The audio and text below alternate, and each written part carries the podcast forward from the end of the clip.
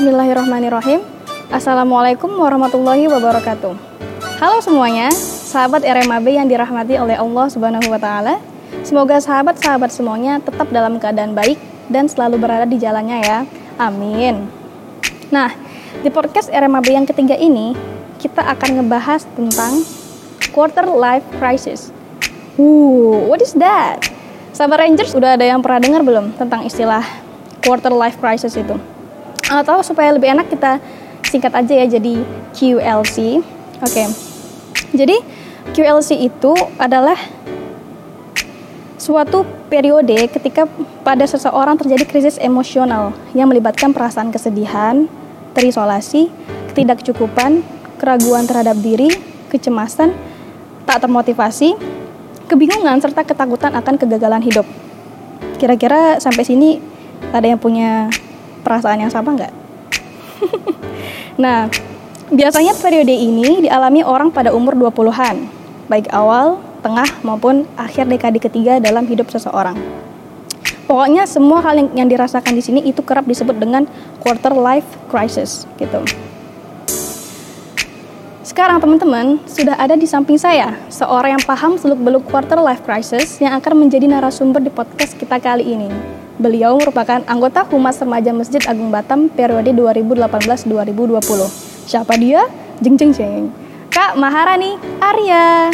Oke, Assalamualaikum Kak Rani. Waalaikumsalam, Ana. Masya Allah, cantik sekali hari ini ya Kak. Masya Allah, Ana juga. Oke, jadi Kak Rani sekarang sibuknya ngapain nih? Uh, sekarang aktivitas saya uh, bekerja di salah satu perusahaan outdoor marketing, hmm. uh, outdoor media sebagai marketing, sekaligus juga aktif di organisasi Remaja Masjid Agung Batam di Humas ya walaupun oh. udah nggak terlalu aktif lagi tapi uh, beberapa agenda masih bisa kakak ikut mm-hmm. juga di organisasi lain yang bernama Kesatuan Aksi Mahasiswa Muslim Indonesia di bidang oh, perempuan. Bidang perempuan ya. Itu Karani jadi marketing outdoor tuh gimana tuh ceritanya tuh? Uh, gimana kerjaannya tuh? Jadi ya kakak sih kerja tuh di bidang digital marketing, pemasaran digital untuk memasarkan media-media iklan outdoor seperti media iklan di bandara, media iklan di pelabuhan dan sebagainya. Itu sih aktivitas hariannya sekarang kerja. Masya Allah, keren ya Karani ya. Dulu Karani jurusan apa Kak kuliah? Multimedia. Multimedia, jadi itu sesuai ya prospek pekerjaannya dengan jurusan kemarin? Alhamdulillah sedikit banyak berhubungan. Nyangkut. Nyangkut ya. sedikit, sedikit-sedikit. Oke okay guys, sebentar lagi kita akan bincang-bincang bersama Kak Maharani Arya di podcast kali ini yang bertajuk Mau dibawa ke mana hidup kita? Wow, bersama Ana di sini. Jadi bersiaplah karena sahabat sedang mendengarkan cerita Rangers.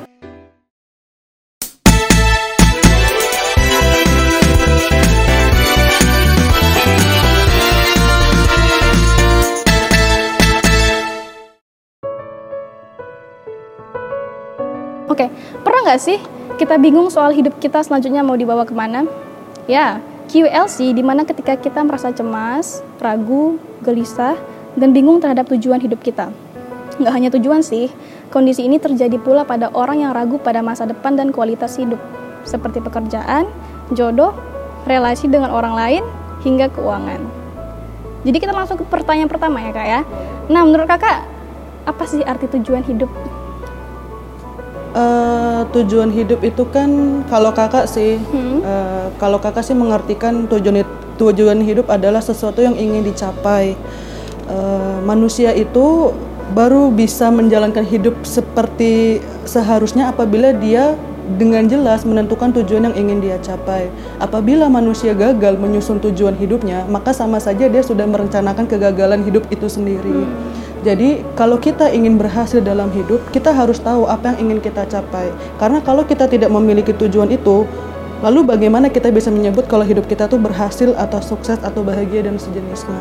Jadi kakak mengartikan tujuan hidup yaitu ambisi yang ingin diwujudkan dalam hidup. Kalau tujuan hidup Karani itu apa? Kalau boleh tahu ya. Kalau tujuan hidup ya tujuan hidup pribadi ya nah, berarti dari ya. definisi pengertian dari tujuan hidup kakak gitu. Sebenarnya kalau uh, enaknya bilang kakak atau saya ya?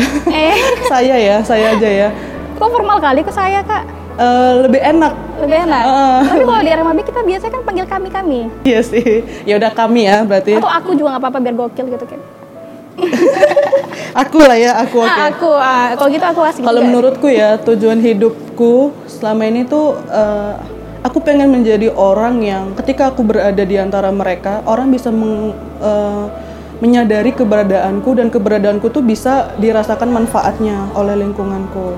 Mungkin ini terdengar klise ya, terdengar klise.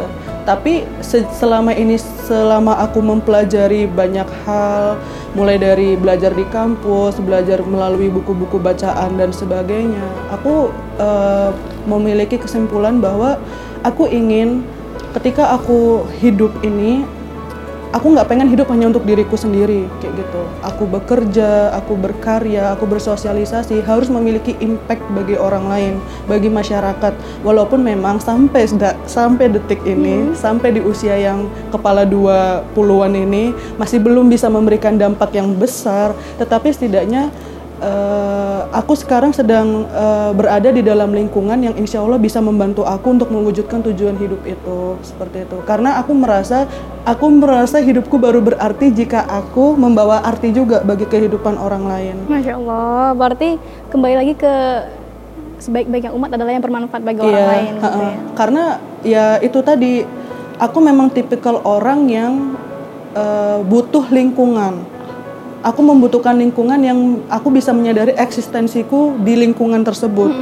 Jadi kalau misalkan aku memang bukan tipikal orang yang fokus dengan iniku sendiri ya, dengan visi untuk kepentingan pribadi. Tapi kalau misalkan bersama orang-orang, bersama teman-teman, bersama masyarakat, bersama sosial yang ingin membangun tujuan bersama, aku merasakan oh ini tujuan hidupku seperti itu. Jadi aku memang tipikal orang yang nggak kalau ditanya tujuan hidup pribadi itu nggak ada, tapi lebih ke Oh, ke umat lah Uh, uh, ya, kayak ke gitu uh, ke orang banyak seperti Tapi juga orang masih banyak ya kak yang belum tahu gitu tujuan hidup dia itu apa gitu. sebenarnya simpel kalau ditanya tujuan Ah. hidup tujuan hidup manusia tuh semuanya adalah pengen bahagia Masya Allah. bener kan Iya. tetapi indikator kebahagiaan setiap orang itu beda nanti kita bisa lah bahas selanjutnya Untuk pertanyaan-pertanyaan berikutnya ya, nanti pasti terjawab itu. Oke. Terus kita ke pertanyaan kedua, apakah perubahan besar yang terjadi pada masa QLC ini dalam berbagai aspek gitu? Eh, QLC ini kan eh, sebenarnya tidak terjadi di semua orang, tidak terjadi di fase hidup setiap orang, tetapi umum terjadi gitu kan. QLC itu seperti tadi Ana bilang kan quarter life crisis terjadi di rentang usia 20-an kayak gitu. Sebenarnya kalau dari kajian psikologinya quarter life crisis itu tidak hanya terjadi di di umur 20-an. Tetapi dia itu bisa dimulai dari awal 20 sampai 35. Jadi itu masa terjadi di masa transisi dewasa muda menuju dewasa yang sebenarnya. Berarti sampai seperti yang kami bilang tadi sih akhir dekade ketiga Tiga, dalam iya. kehidupan gitu ya. Mm-mm. Karena itu bener-bener kita tuh yang awalnya remaja, Mm. dewasa muda, dewasa. Jadi bener-bener perubahan drastis itu muncul di situ. Termasuk perubahan drastis di, di sisi emosi, di sisi logika. Yang awalnya remaja masih berpikir fun-fun aja, tiba-tiba harus meng- menghadapi hidup dengan tuntutan di sana sini, tuntutan di dalam diri maupun tuntutan di luar diri seperti itu. Jadi sebenarnya QLC ini tuh kalau misalkan kita men- menghadapi periode ini, pertama kita bersyukur dulu. Kita bersyukur dulu ketika kita berada di situasi QLC ini berarti kita telah mencapai periode di mana kita akan siap nih jadi orang dewasa. Men- Menggenapkan diri sebagai orang dewasa seperti itu kan. Nah, QLC ini kenapa banyak eh, orang yang mulai concern untuk membahas QLC ini? Karena banyak orang yang gagal melanjutkan hidupnya ketika dia gagal mengatasi QLC ini. Ya. Di usia-usia eh, di periode QLC ini, kebanyakan orang dia itu mulai berpikir kembali, merenungi kembali pilihan-pilihan hidup yang sudah dia ambil. Misal, misal Eh, Ana lulus kuliah se- eh, sebagai sarjana satu ilmu komunikasi. Ana bekerja sebagai seorang reporter. Ketika Ana menjalani karir sebagai reporter, tiba-tiba di tengah jalan Ana merasa, ih, kayaknya kok aku nggak nyaman di sini ya. Apa jangan-jangan ini bukan jalan hidupku? Kok si Dwi di sana pekerjaannya ini kok kayaknya lebih nyaman ya. Dia lebih punya banyak waktu untuk keluarga sebagai uh, pedagang makanan kok rasanya lebih enak waktunya untuk keluarga, untuk diri sendiri juga ada dibandingkan aku sebagai reporter. Itu salah satu contohnya. Pertanyaan dari dalam diri sendiri. Yang kedua, QLC itu bisa diindikasikan juga dengan uh, uh, apa namanya? Rentannya perasaan kita ketika menghadapi ekspektasi kita itu tidak terwujud dalam realita. Mm-hmm. Seperti itu. Uh, kita itu bangsa kita ya, bangsa Indonesia ini termasuk di antara sedikit bangsa di dunia yang terbiasa mematok pencapaian hidup itu dengan angka. Dengan uang. Dengan uang, dengan umur. Hmm. Jadi kita itu pingin memenuhi ekspektasi diri sendiri, sekaligus kita dituntut memenuhi ekspektasi lingkungan. Contoh, misalnya ada orang, dia itu hingga kepala tiga, kepala empat belum menikah, dia perempuan. Iya. Itu gimana hmm. coba tuntutan lingkungannya? Pasti Romantis. sangat berat hmm. gitu. Banyak pertanyaan-pertanyaan yang bisa menjatuhkan mental dia. Bahkan dari keluarganya Bahkan sendiri. Bahkan dari keluarganya sendiri seperti itu. Kalau hmm. dia mematok kebahagiaan itu berdasarkan indikator kepuasan orang lain, mm-hmm. dia akan sulit seperti itu. Dia akan dia sulit akan pernah. Iya, dia akan sulit melalui fase QLC ini. Itu yang pertama tadi ekspektasi apa? Memikirkan kembali uh, pilihan-pilihan yang sudah diambil. Yang kedua, ketika menghadapi realita tidak sepenuhnya sesuai dengan ekspektasi. Yang ketiga itu QLC terjadi uh, ketika kita itu cenderung apa ya membandingkan pencapaian kita dengan pencapaian orang, orang lain. lain terutama dengan orang-orang terdekat yeah. yang sebaya mm -mm. yang sebaya termasuk aku juga pernah mengalami fase itu dan aku kan juga sekarang masih umur 23-an gitu kan. Aku juga sebenarnya bisa dibilang di masa QLC. Iya, benar. QLC tetapi kan uh, kadar tekanan setiap orang itu beda, ringan berat itu kan beda kan aku pernah sekali dua kali membandingkan apa yang sudah aku capai dengan teman yang dicapai oleh teman-temanku. Ada teman-temanku yang di umur sekian, di umur yang sama, dia sudah mencapai karir yang seperti ini, seperti ini, sedangkan aku seperti ini, seperti ini, seperti ini. Kalau orang yang berada di periode QLC ini terus menghabiskan waktunya hanya untuk membandingkan pencapaian yang tidak mungkin bisa disamaratakan, dia akan gagal melalui QLC itu. Karena pada sejatinya semua orang itu punya yang namanya zona waktu masing-masing. Kayak gitu. Jadi ya inilah masalah yang umum terjadi di QLC ya tiga hal itu sih. Satu? Evalu uh, pertanyaan akan pilihan yang mm -hmm. pernah diambil. Menghadapi ekspektasi menghadapi realita yang tidak sesuai dengan ekspektasi. Dan yang ketiga terus-terusan membandingkan pencapaian diri dengan pencapaian orang lain. Ini kayaknya ketiga hal ini benar-benar terjadi juga pada diri kami nih, Iya. itu QLC utamanya sih tiga itu. Yeah tiga itu. Kegamangan di situ.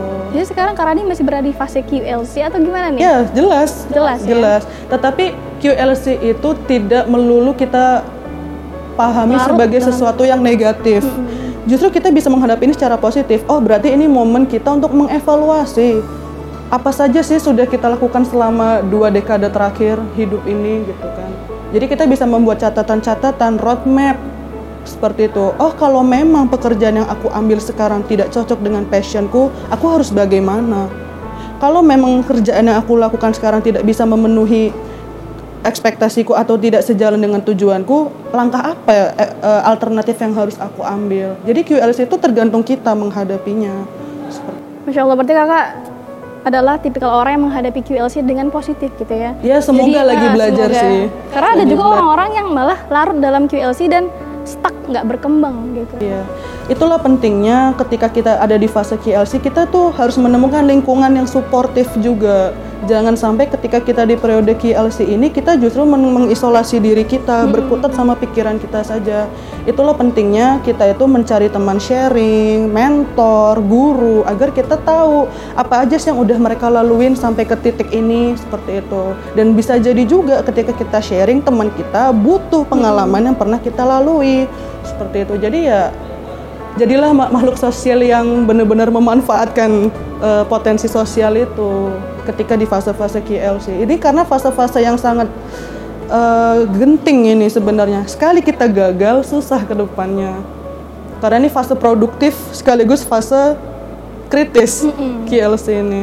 Fase-fase fase yang menentukan gitu Iya ya, benar ya? benar benar. Insya Allah. Sahabat Rangers sampai sini paham, paham dong ya. Semoga lah paham paham. Semoga paham. Apa sih kak pemicu dari QLC ini? Pemicu dari QLC pasti kita bicara internal dan eksternal kan. Mm-mm. Kalau internal selama yang kakak tahu ya. Kok berubah jadi kakak? Tadi aku. Oke, selama yang aku tahu ya ya inilah QLC. Inilah QLC. QLC. Selama yang aku tahu kalau dari sisi internal itu yang pertama pertanyaan akan jati diri. Itu pemicunya pertamanya. Ya. Itu dari intern, dari Iya, internal. internal, internal. Pertanyaan akan jati diri. Aku ini sebenarnya mau jadi apa sih? Masya Allah. Aku banget nih. Aku tuh sebenarnya mau jadi apa sih? Apa sih orang yang apa yang orang harapkan dari aku? Kayak gitu. Karena sebenarnya manusia secuek apa pun, dia pasti punya kecenderungan mempertanyakan eksistensi dirinya, Iyalah pasti. Keberhargaan dirinya. Se-introvert itu. apa pun dia. Se-introvert Ah, apa pun itu, apa pun dia. se-introvert apa pun itu. Pasti dia bertanya pada dirinya, aku ini sebenarnya dibutuhkan nggak sih dengan Iya. lingkungan sekitarku? Ha-ha. Sebenarnya aku ini berharga nggak sih di mata Benar. mereka? Dan ketika pertanyaan itu gagal dijawab oleh dirinya sendiri maupun lingkungannya, cenderung mengarahkan dirinya kepada depresi. Ya Allah.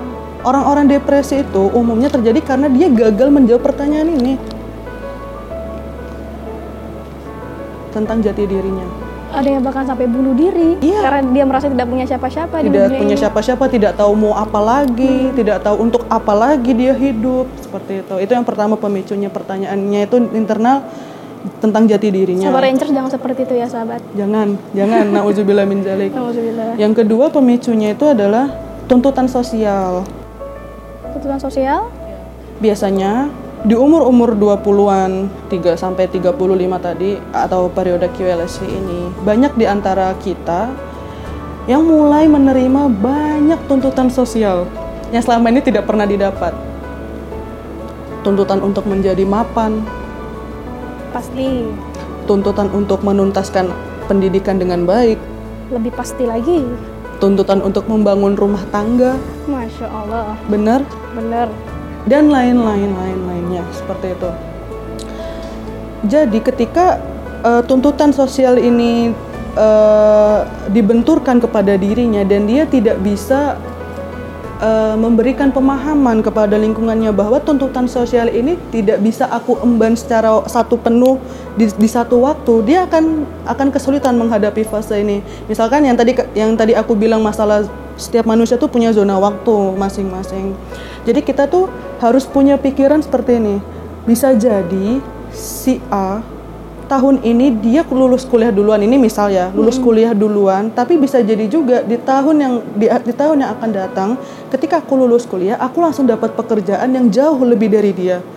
Jadi kita tuh selalu selalu dihadapkan bahwa kamu tuh harusnya seperti ini idealnya kamu lulus kuliah tuh tiga ta tiga setengah tahun empat tahun kalau udah lewat dari itu kamu udah nggak ideal sebagai uh, manusia di umur segini Kita tuh sering berpikir seperti itu Iya, gitu ya. karena kita juga dituntut oleh lingkungan sosial seperti itu. Inilah pemicu KLC sebenarnya. Ketika masyarakat masih berkutat di dalam pikiran-pikiran hmm, tradisionalis lah seperti itu. Seolah-olah tidak ada alternatif lain menuju keberhasilan, itu. Keberhasilan. Padahal sebenarnya itu bagus sih untuk memotivasi Bagus, kita iya. supaya lebih giat lagi Hmm, mengejar bener, mimpi bener, gitu. bener. Cuman ya banyaknya jat- jatuhnya jadi KLC Iya, benar, benar, benar, benar. gitu ya. Mm, Butuh butuh support sesama sih. Jangan suka menuntut lah kayak gitu. Terus Sampai ada kata-kata tuh kan nggak jadi deh kak. Gimana tuh? Ini kayaknya mau curhat nih, nggak apa-apa dong. Nggak apa-apa lah. ini didengar banyak orang. Oh iya iya iya iya iya. Nanti aja kita berdua lebih intim lagi ya. Terus yang terakhir pemicu KLC, eh, setahu ka- setahu aku adalah ketika eh, kita ini sebenarnya dilema sih masa-masa milenial sekarang ini masa-masa milenial di mana akses media sosial itu begitu mudah untuk kita dapatkan betapa ba- berapa banyak orang mudah men apa ya mempublikasikan pencapaian-pencapaian mereka di ruang-ruang publik seperti itu. Sedangkan mereka tuh nggak sadar bahwa nggak semua orang bisa menerima informasi publikasi hmm. keberhasilan mereka itu dengan hati yang Dalam terbuka. Benar. Hmm. Itulah yang uh, salah satu hikmah di dalam agama Islam mengapa kita tuh dilarang untuk yang namanya pamer. Ya, ya. Kita dilarang untuk pamer apa pun itu kita tuh dilarang sebenarnya kecuali uh, memamerkan dalam tanda kutip kebaikan seperti ayo uh, gerakan sholat ber, berjamaah, gerakan mengaji itu kan beda, itu lebih ke arah seruan. Nah, tapi pamer, pamer keberhasilan-keberhasilan ini itu bisa memicu orang di fase-fase KLC ini kembali lagi mempertanyakan hidupnya. Mengapa hidupku tidak bisa seberhasil dia? Padahal kami sama umurnya, kami berasal dari latar yang sama. Yeah kayak gitu jadi media sosial ini sebenarnya berperan banyak loh dalam kasus-kasus mental down orang salah satu pemicu terbesar iya, juga ya kak uh, untuk ILC ini. Iya dan masyarakat kita tuh masih banyak yang belum bijak dalam menggunakan media sosialnya seperti itu. Mungkin mereka uh, menunjukkan keberhasilan keberhasilan itu mungkin ada yang niatnya motivasi niatnya hanya sekedar ingin memberitahu. Tetapi cobalah untuk berpikir dampak panjangnya. Karena kayak aku sendiri uh, selama ini kan aku kan bergabung di dalam komunitas uh, peduli skizofrenia Indonesia. Jadi di situ sering lah kita tuh berbagi masalah mental illness atau penyakit mental di, di situ kan. Jadi uh, beberapa curhatan teman-teman tuh aku ikutin. Kenapa ada yang sampai uh, pernah melakukan percobaan bunuh diri berkali-kali. Beneran ada ya kayak? Banyak, banyak. Bahkan mereka di kehidupan sehari-harinya terlihat sebagai orang yang normal. Ceria. Ceria, aja, dia bisa masih bisa kuliah, dia masih bisa bahkan ada yang bekerja sebagai asisten dosen di antara mereka. Dia memiliki yang terlihat seperti hidupnya sempurna hidupnya gitu. Hidupnya sempurna, cerdas, akademisnya bagus. Tapi dia punya Ternyata. kebiasaan self harm, menyakiti dirinya sendiri. Ya, seperti itu. Ketika uh, kami sharing di grup itu di komunitas itu dia bilang bahwa salah satu penyebabnya adalah yaitu tadi dia mengalami tuntutan hidup yang luar biasa sedangkan di sisi lain pemandangan yang dia dapat adalah pertunjukan keberhasilan yang orang. yang luar biasa. Yang luar biasa hmm. menurut dia. Ya ampun. Jadilah dia menjadi pribadi yang memendam keiriannya tapi dia tidak tahu harus berbuat apa. Seperti itu apakah orang yang menunjukkan keberhasilan itu sadar akan sakitnya dia? Tidak akan. Tidak akan pernah tahu. Tidak akan pernah tahu. Kayak gitu. Jadi ya ini penting sih. Ini penting. Salah satu uh, apa ya pemahaman terpenting untuk mengatasi KLC ini adalah yaitu pemahaman kesadaran mental illness itu, mental illness awareness itu. Itu sih tadi tiga pemicu KLC itu. Makanya dari Islam sendiri juga udah mengajarkan kita ya iya, untuk jangan jangan pamer, jangan pamer, jangan pamer karena itu bisa menyakiti orang lain, bahkan bukan menyakiti hatinya saja, menyakiti mentalnya. Padahal menurut kita itu biasa, biasa aja, aja. tapi kita tidak pernah tahu gimana mm -mm. sih hati-hati orang di luar mm -mm. sana gitu ya. Bener-bener. Oh my god, sahabat Rangers, hati-hati dalam bersosial media. Iya hati-hati. Waspadalah. Waspadalah. Oke kak kita lanjut ke pertanyaan keempat. Apakah semua kalangan remaja yang beranjak dewasa pasti mengalami fase quarter life crisis? Pasti, tetapi kadar kesulitannya berbeda-beda. Hmm. Itu pasti. Kita kan pasti mengalami fase mempertanyakan esensi hidup itu pasti. Pasti ya kak ya. Tapi terkadang mereka juga tidak sadar itu ya, kalau mereka sedang yeah. mengalami QLC. Uh, ketika dia nggak sadar, dia akan kesulitan mengidentifikasi masalah dan mencari solusi. Ya Allah karena kami juga ada kenal nih kak satu hmm. orang yang dia tuh sekarang umurnya sudah 25 tahun gitu loh hmm. cuma dia tuh kayak dia jobless pengangguran hmm. dia nggak ada kegiatan hmm. dia nggak ada yang dikejar tujuan hidupnya tuh nggak ada hmm. gitu Flat. dan dan ketika kami apa namanya ya kayak mem memberikan pernyataan-pernyataan tentang kehidupan dia yang benar-benar kayak useless nggak ada gunanya itu dia hanya ber dia berpikir seperti ini ya beginilah hidupku santai aja. Bawa happy aja semuanya. Jadi kami tuh seolah-olah berpikir ini padahal udah benar-benar krisis nih hidupnya nih. Baik dari krisis mental krisis sosial ya, bener. krisis finansial dan lain-lain. Tapi dia merasa hidupnya masih aman-aman aja aman-aman aja. gitu kak. Itu tuh gimana menanganinya? Bukan. Itu tuh sebenarnya dia tidak sadar kan dengan benar. kalau- dengan hidup dia gitu. Benar. Dia ya itulah kenapa kita butuh pengetahuan tentang KLC ini agar ketika kita menghadapinya kita bisa membreakdown masalah-masalah apa aja yang sedang kita hadapin dan kita bisa dengan kepala dingin mencari solusinya kan gitu. Kayak yang tadi Ana ceritain itu sebenarnya dia itu butuh orang yang secara konsisten menyadarkan dia Konsisten. harus konsisten. Konsisten, ya. Kalau memang benar-benar peduli ya, Mm-mm. benar-benar peduli dia harus ada orang yang konsisten memberitahu dia. Karena kalau misalnya dia dibiarkan terus-menerus seperti, itu. akan mengarah ke depresi.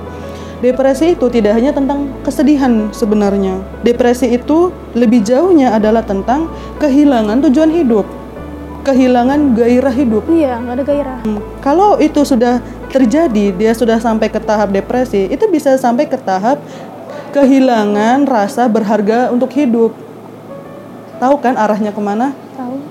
Seperti itu. Jadi kita harus benar-benar waspada sih. Kita perhatikan orang-orang sekitar kita. Dan orang-orang seperti memang harus konsisten kita. Iya, kalau kita memang sayang dan peduli, kita harus konsisten mengingatkannya. Ka- Bahkan kalau bisa jangan cuma sekedar mengingatkan, memberikan akses ke dia untuk mencapai hal-hal yang seru untuk dia lakukan. Mengembalikan dia kepada hobinya yang dulu, mengembalikan dia kepada minatnya yang dulu, kayak gitu. Itu sih kalau menurut menurutku. Oke. Apakah sosial media menjadi salah satu penyebab munculnya krisis ini? Oh, tadi udah kita bicarain Iya. ya. Cuman seperti misalnya ketika melihat kehidupan orang lain yang lebih sukses dari kita gitu. Bagaimana pendapat kakak? Ini sebenarnya udah terjawab tadi nggak sih kak? Iya, eh, Kita jawab aja lagi ya. sedihnya sekarang itu kita menggunakan media sosial sebagai tolak ukur Kebahagiaan. kebahagiaan ideal di dunia nyata. Iya. Itu ironi. Itu Miris. ironi ya, miris. Seharusnya kan fungsinya dunia maya itu hanya sebagai uh, menyimpan momen yang terjadi di dunia nyata. Tetapi sekarang tuh udah kebalik. Apa yang di dunia maya harus diwujudkan di dunia nyata. Dan itu nggak akan pernah bisa. Karena ketika orang mempublikasikan kontennya di media sosial, dia akan mempolesnya sebaik mungkin, Sebaik mungkin. seindah Seindah mungkin.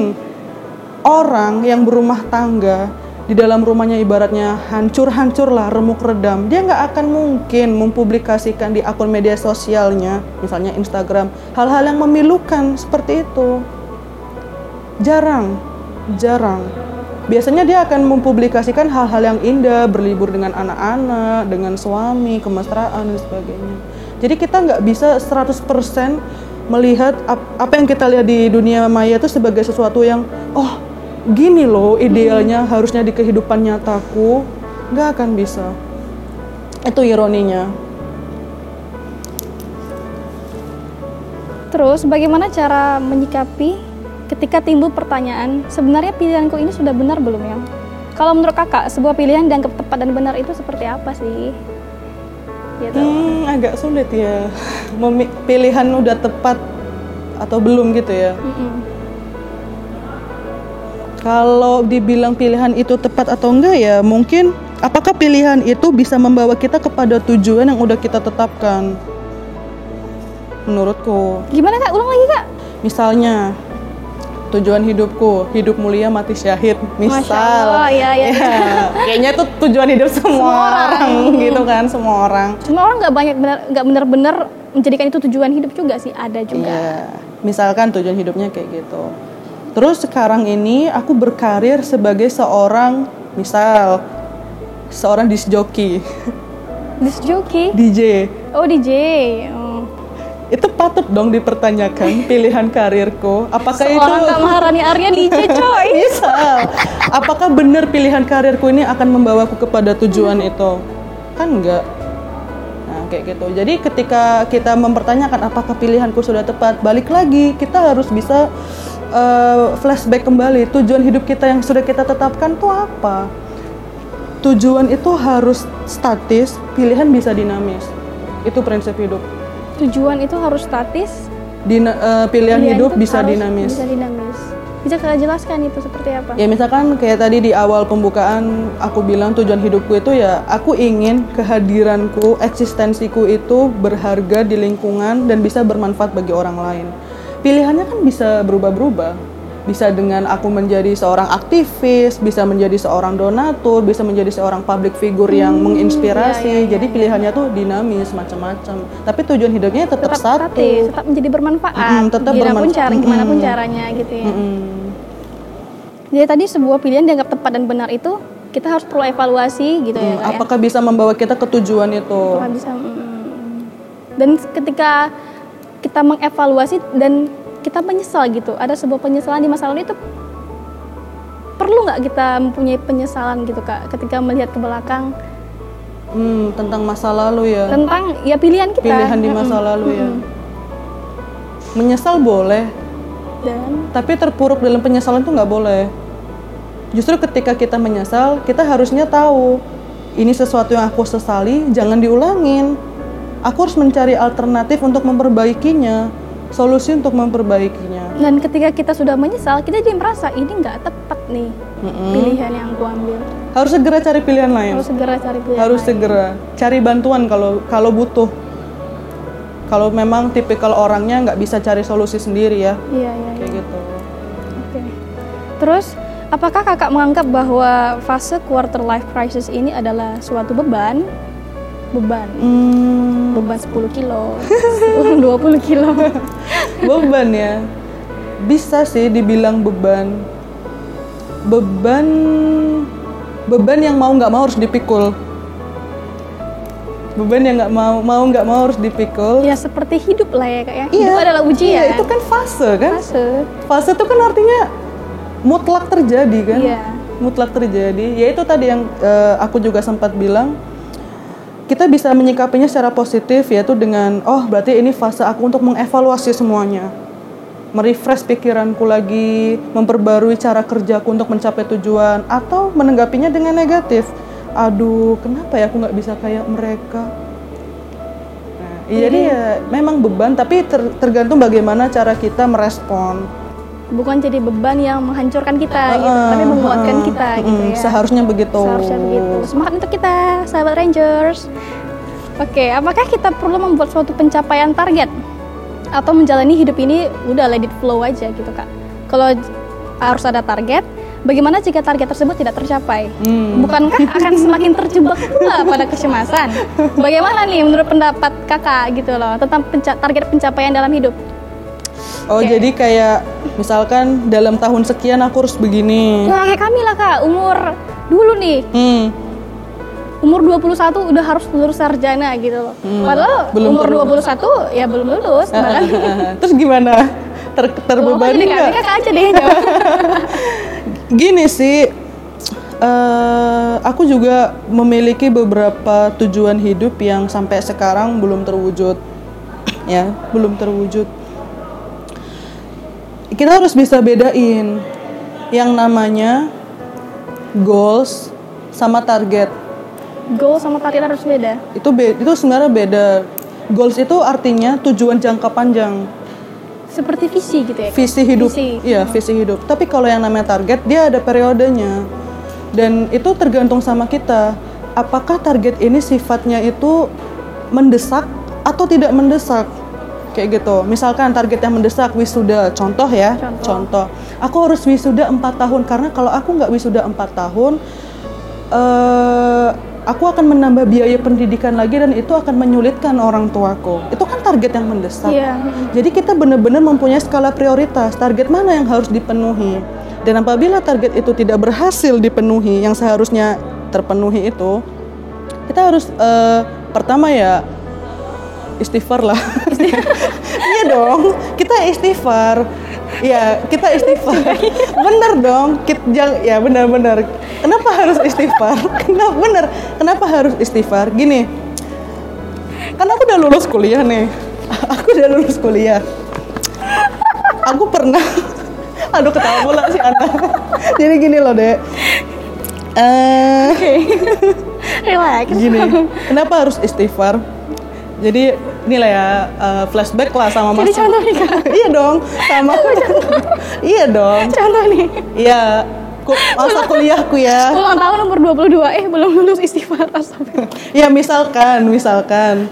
yang seharusnya udah wisuda tapi belum wisuda ya istighfar dong pertama kali harus Iya, dilakuin jadi kayak masa-masa kuliah dulu ada teman-teman yang eh, berambisi untuk lulus misalkan tiga setengah tahun lu- atau aku lulus empat tahun pas kayak gitu kan nggak mau nggak nggak mau cepet banget nggak Iya. mau lama banget kayak gitu alhamdulillah aku lulus tepat waktu Alhamdulillah. dan ada beberapa teman yang lu- yang belum lulus tepat waktu Mm-mm. aku memperhatikan bagaimana respon mereka terhadap eh, hasil tersebut.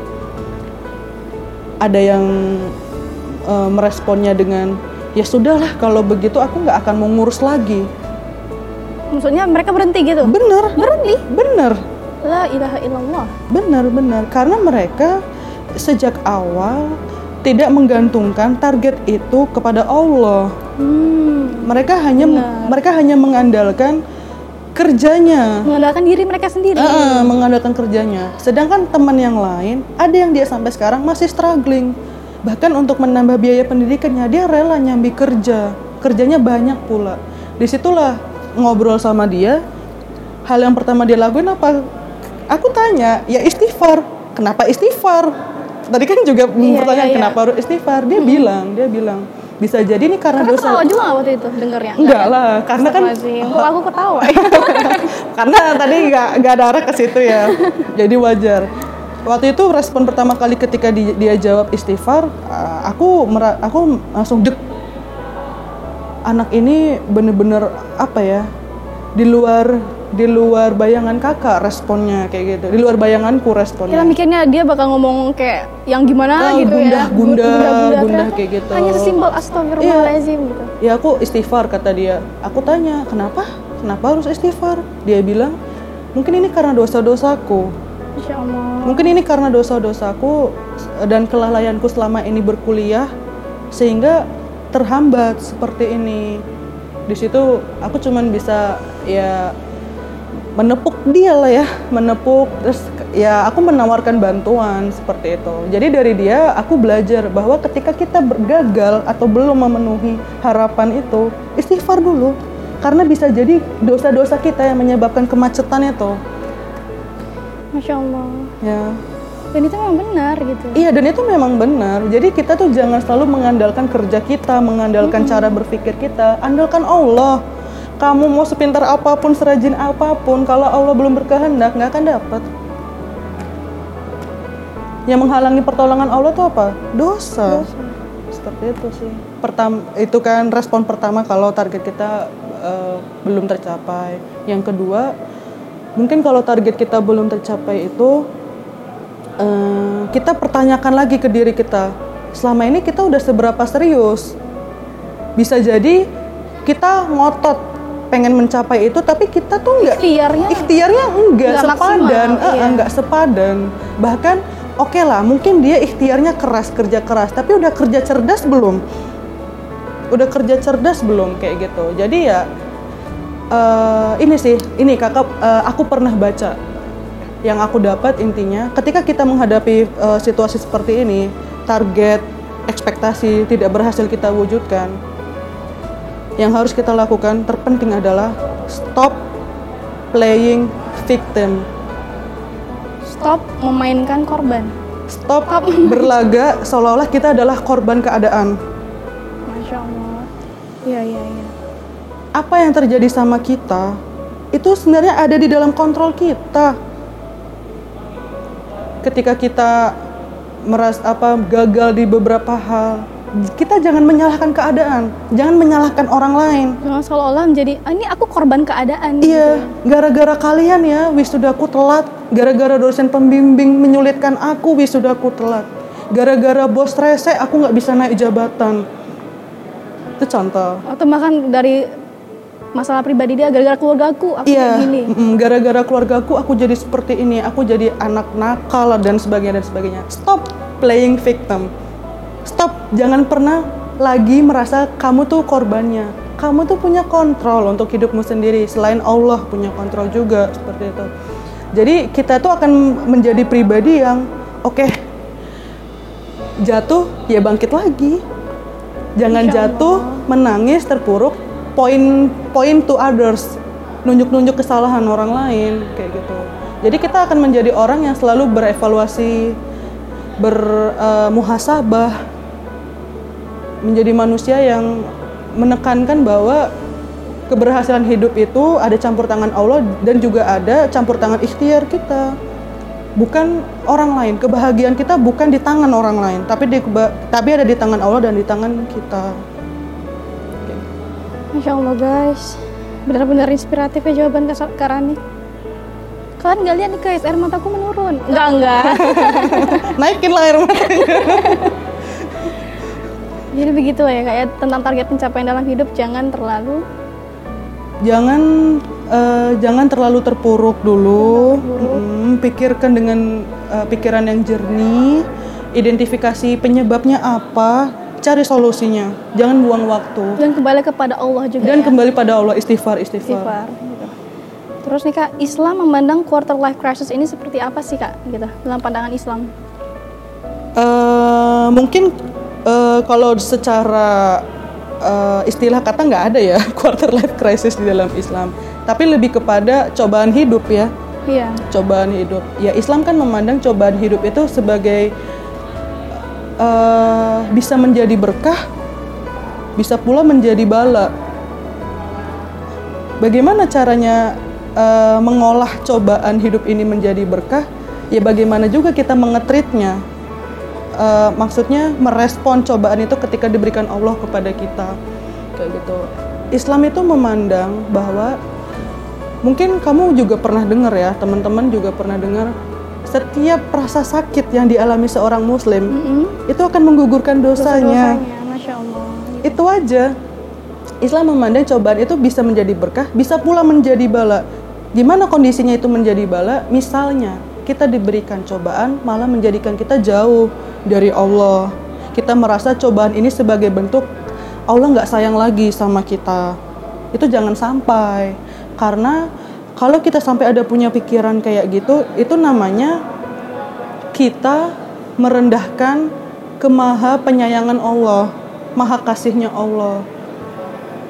Jadi Islam memandang hamba-hambanya, umat muslim itu ketika menerima cobaan, hadapilah dengan perasaan yang tulus, perasaan yang rendah hati kepada Allah dan uh, teruslah berhusnuzon kepada Allah bahwa akan ada pelangi setelah hujan. Dan banyak juga ya mungkin yang setelah berada di fase QLC ini malah di sinilah mereka mengenal Allah gitu. Iya, benar. Mendapat hidayah. Benar, benar. Pasti banyak banget ya di luar. Berapa banyak orang yang hijrah di periode umur segini? Periode umur segini Iya, Ketika dia kehilangan jati diri, ya iya. dia menemukan Allah, makrifatullah jadi benar, benar, benar. Iya. Jadi kita harus berpikir jernih dulu lah ketika menghadapi KLC ini. Dan bersyukurlah ya, yang larinya ke jalan yang kanan. Gitu iya, gitu ya, kak, ya. alhamdulillah. Alhamdulillah. Nah, terakhir nih kak, hmm. untuk closing statement. Iya apa nih saran bagi sahabat-sahabat yang sedang mengalami fase QLC? Yang bingung nih hidupnya mau dibawa ke mana? Mau dibawa ke mana? Oke, oke, stop. Closing statement ya? Closing statement. Untuk teman-temanku yang sedang berada di dalam periode quarter life crisis, sama sepertiku juga, di rentang usia 20 sampai 30-an ini, pastikan kita tetap menjalani hidup dalam segala prasangka baik, hmm. dalam pikiran yang selalu jernih, dan yakinlah bahwa jika kita memang memiliki tujuan hidup yang baik, maka Allah pasti akan mempermudah jalan kita. Apabila kita selama ini sudah membuat rencana kerja yang tersusun rapi, maka itu tinggal tentang komitmen kita menjalaninya. Dan yang terakhir adalah jangan pernah kita menghabiskan waktu untuk membandingkan diri dengan orang lain karena sejatinya setiap manusia itu memiliki zona waktu yang berbeda-beda. Semua akan indah pada Semua waktunya. akan indah pada waktunya. Semua ulat akan bermetamorfosis pada waktunya Masya menjadi kupu-kupu indah. Iya. Nggak mungkin semua ulat itu jadi kupu-kupu di waktu yang bersamaan. Kayak gitu. Akan selalu ada pelangi loh setelah hujan. Tetap semangat, ingat Allah, libatkan Allah di setiap urusan dan jadilah pribadi-pribadi yang ikhlas dalam menerima segala takdir Allah. Masya Allah guys, sahabat Rangers, begitu inspiratif jawaban-jawaban Karani ya. Baiklah, kepada Kak Rani jazakillahu khairan atas jawaban-jawaban yang Kakak berikan terkait tema kita.